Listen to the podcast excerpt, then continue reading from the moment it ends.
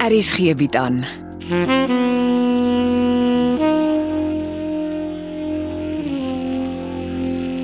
Afsluiting deur Jo Kleinhans.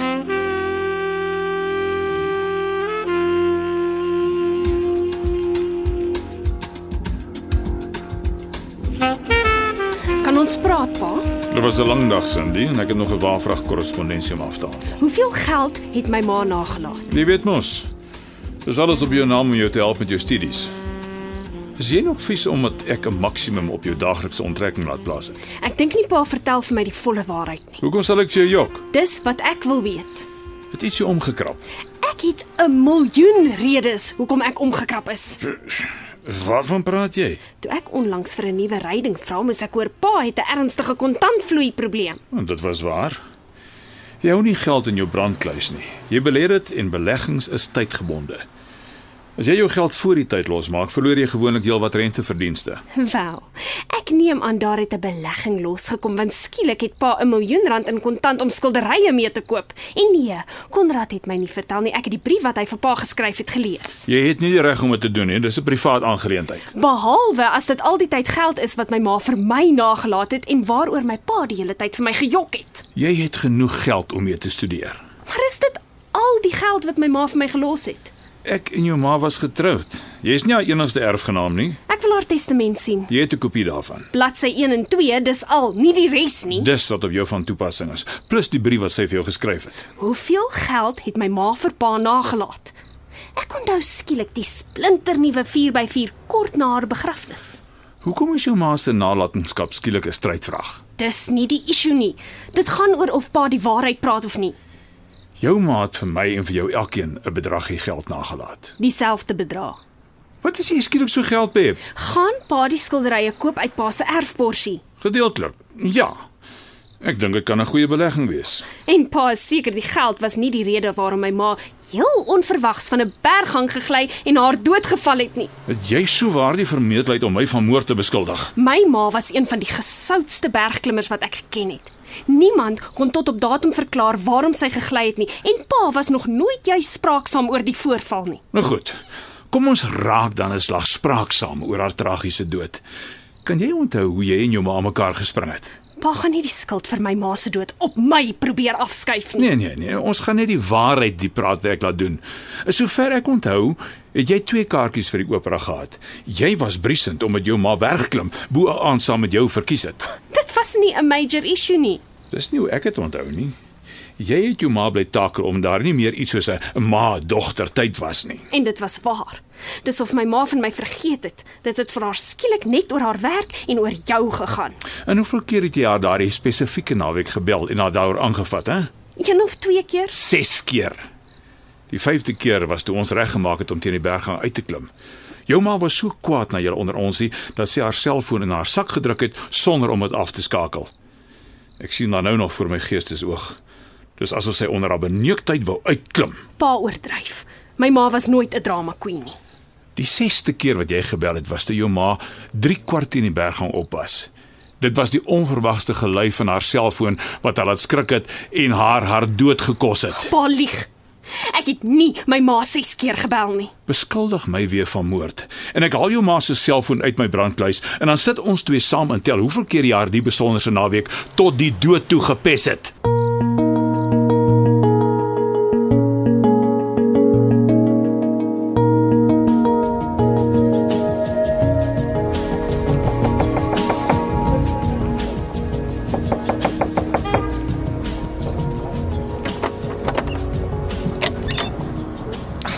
Wat soek jy weer hier?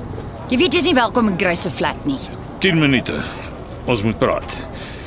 Ek sou nie hier gewees het as dit nie nodig was nie. Sit en praat gou. Ek weet waar Grace ingetrek het. Vergeet van Grace. Sy gaan nooit weer in jou belangstel nie. Ek was nie agter Grace aan nie. Ek het heel toevallig by uitgekom toe ek op iemand anders se spoor was. Niks in jou lewe is toevallig nie, Dawie. Daarvoor ken ek jou te goed. Ek het 'n spesifieke skildery begin soek. Een van Konrad Ninaber se ma se skildery wat verkoop is, Dame van die Nag. Hoekom soek jy dit? Jy het iemand gehelp om dit te koop. En jy het Grace en die Duitser gebruik om dit namens jou vir die persoon te koop. So what? Wie dit ook al is, dit bly my geheim. Ek het die Duitser se spoor begin volg. Ek het dwars deur sy gastehuis tot by sy hospitaalbed geloop.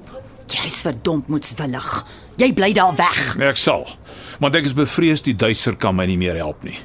Soos jy seker baie goed weet, is die man in 'n koma. En ek glo nie hy gaan vannag oorleef nie. Ek het nie jou mediese opinie gevra nie. Ek gee dit in elk geval vir jou, gratis. Al hoekom ek hier is, is om jou te vra om my te help om die skilderye terug te koop. Ek bied 200 000 rand kontant daarvoor aan. Sorry. Ek weet voor my heilige siel my kliënt sal nie verkoop nie. Vra ten minste. En as hy of sy sê nee, hoor hoeveel hy of sy vir die skildery wil hê. Elke mens het sy prys. Jy mors jou tyd. Die dame van die nag is nie te koop nie. Dis nie jou besluit nie, Shelley. Ek moet weg wees. O ja. eh, Sê tog vir die liewe Grace, die oomblik wat die Duitser begrawe is, kan sy my gerus bel. Ek is nie kwaad vir haar nie. Ek kan nogal sien hoekom sy vir die Duitser geval het.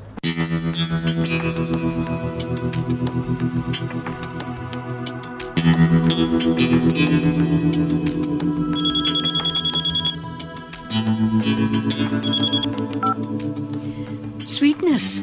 Goeienaand. Hallo Molly, sê terug op die plaas. Ja, maar dis maar die mekaar hier. Ons het probleme met die skillerye. Cindy se pa, Dr. Dawie Becker, weet van die gastehuis waarna dit hang. Damn it. Dit beteken dit moet dadelik geskuif word.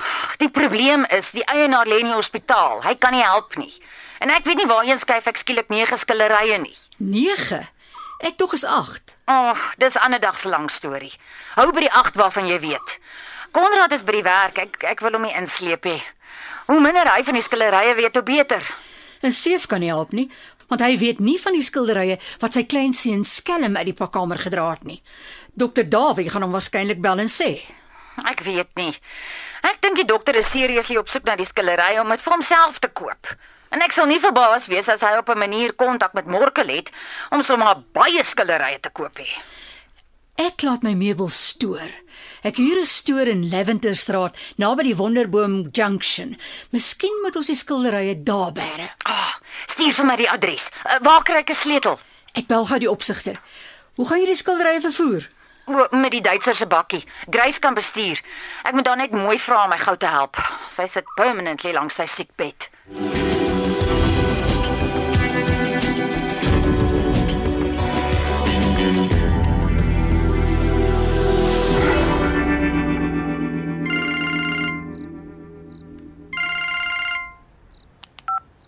Naam dokter Becker?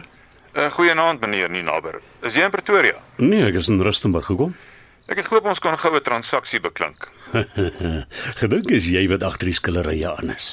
Ek weet waar jou dame van die nag op hierdie oomblik hang, Dit beteken nog nie dis my skillery nie. maar dit kan jou skildery wees.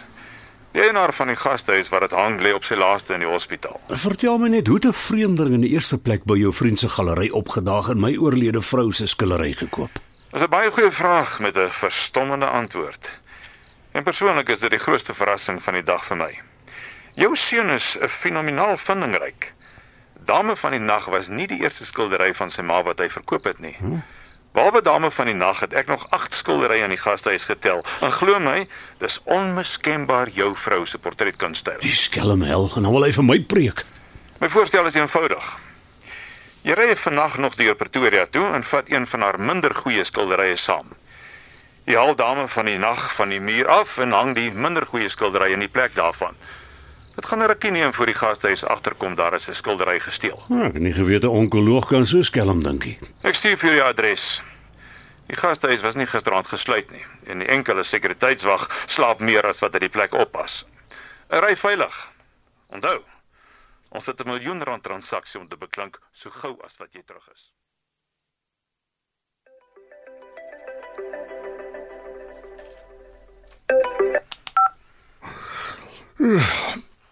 Becker, Probeer jy my vir die gek hou?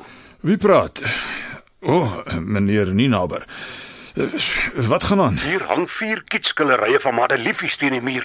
Ek weet nie veel van skillerye af nie, maar hierdie is alles behalwe Elisma Versagie se portretwerke. Kan nie wees nie. Is jy by die regte adres? Natuurlik is ek by die regte verdomde adres. Ek is nie seniel nie. beteken die skildery is geskuif. Ja, waarskynlik reguit na jou instap brandkluis toe. So gemeen is ek nie. Jy moenie die verkeerde indruk van my kry nie, meneer Ninaber. Ek het 'n oog en 'n aanvoeling vir 'n goeie saketransaksie en dis al wat hierdie is vir my. Goeie sake transaksies, ek gat. Dis nie die eerste keer wat jy my bevark nie, Becker. Die skilderye kan nie te ver wees nie. Vind jy solank uit waarom jy nie van 8 van jou vrou se kunswerke weet nie. En ek gebruik my man om uit te vind waarheen die 9 skildery geskuif is en dan praat ons weer.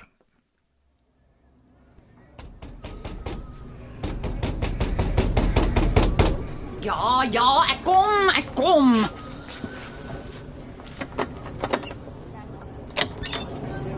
Gip wat tot dit inkom. Jy, jy kan nie sommer net hier instorm nie. Waar is die skilderye? Wat se skillerye? Moenie probeer dom speel nie. Ek bel die polisie.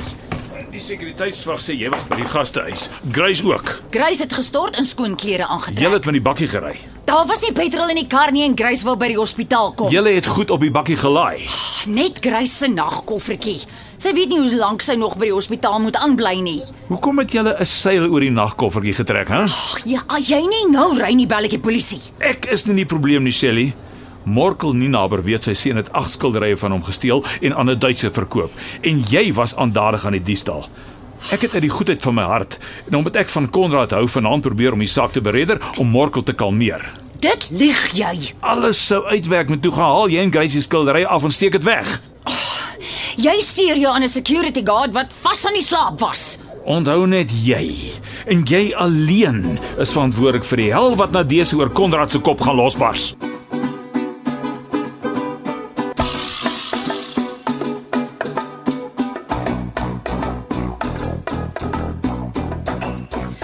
Ek kan nie glo jy het vir my op goed begin kom kuier nie.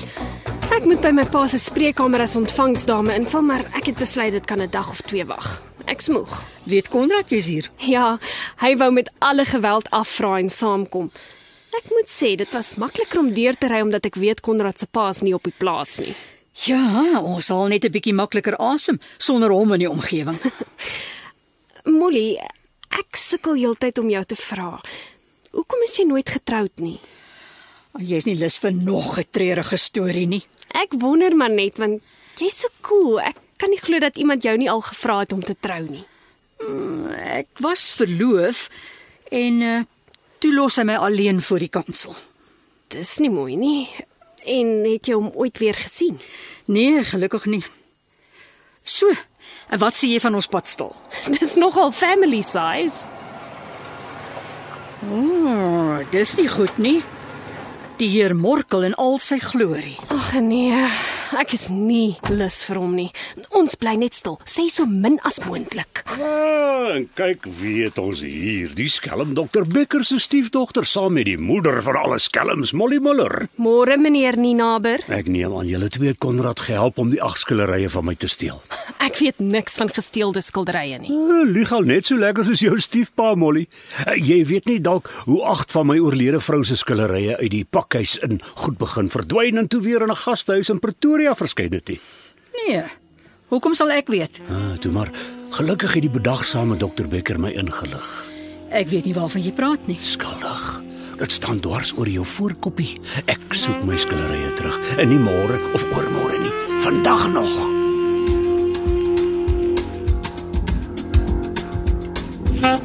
Afsluiting is geskryf deur Jo Kleinhans. Evit Snyman Junior en Bongwe Thomas beheerdig die tegniese versorging en die storie word in Johannesburg opgevoer onder regie van Renske Jacobs.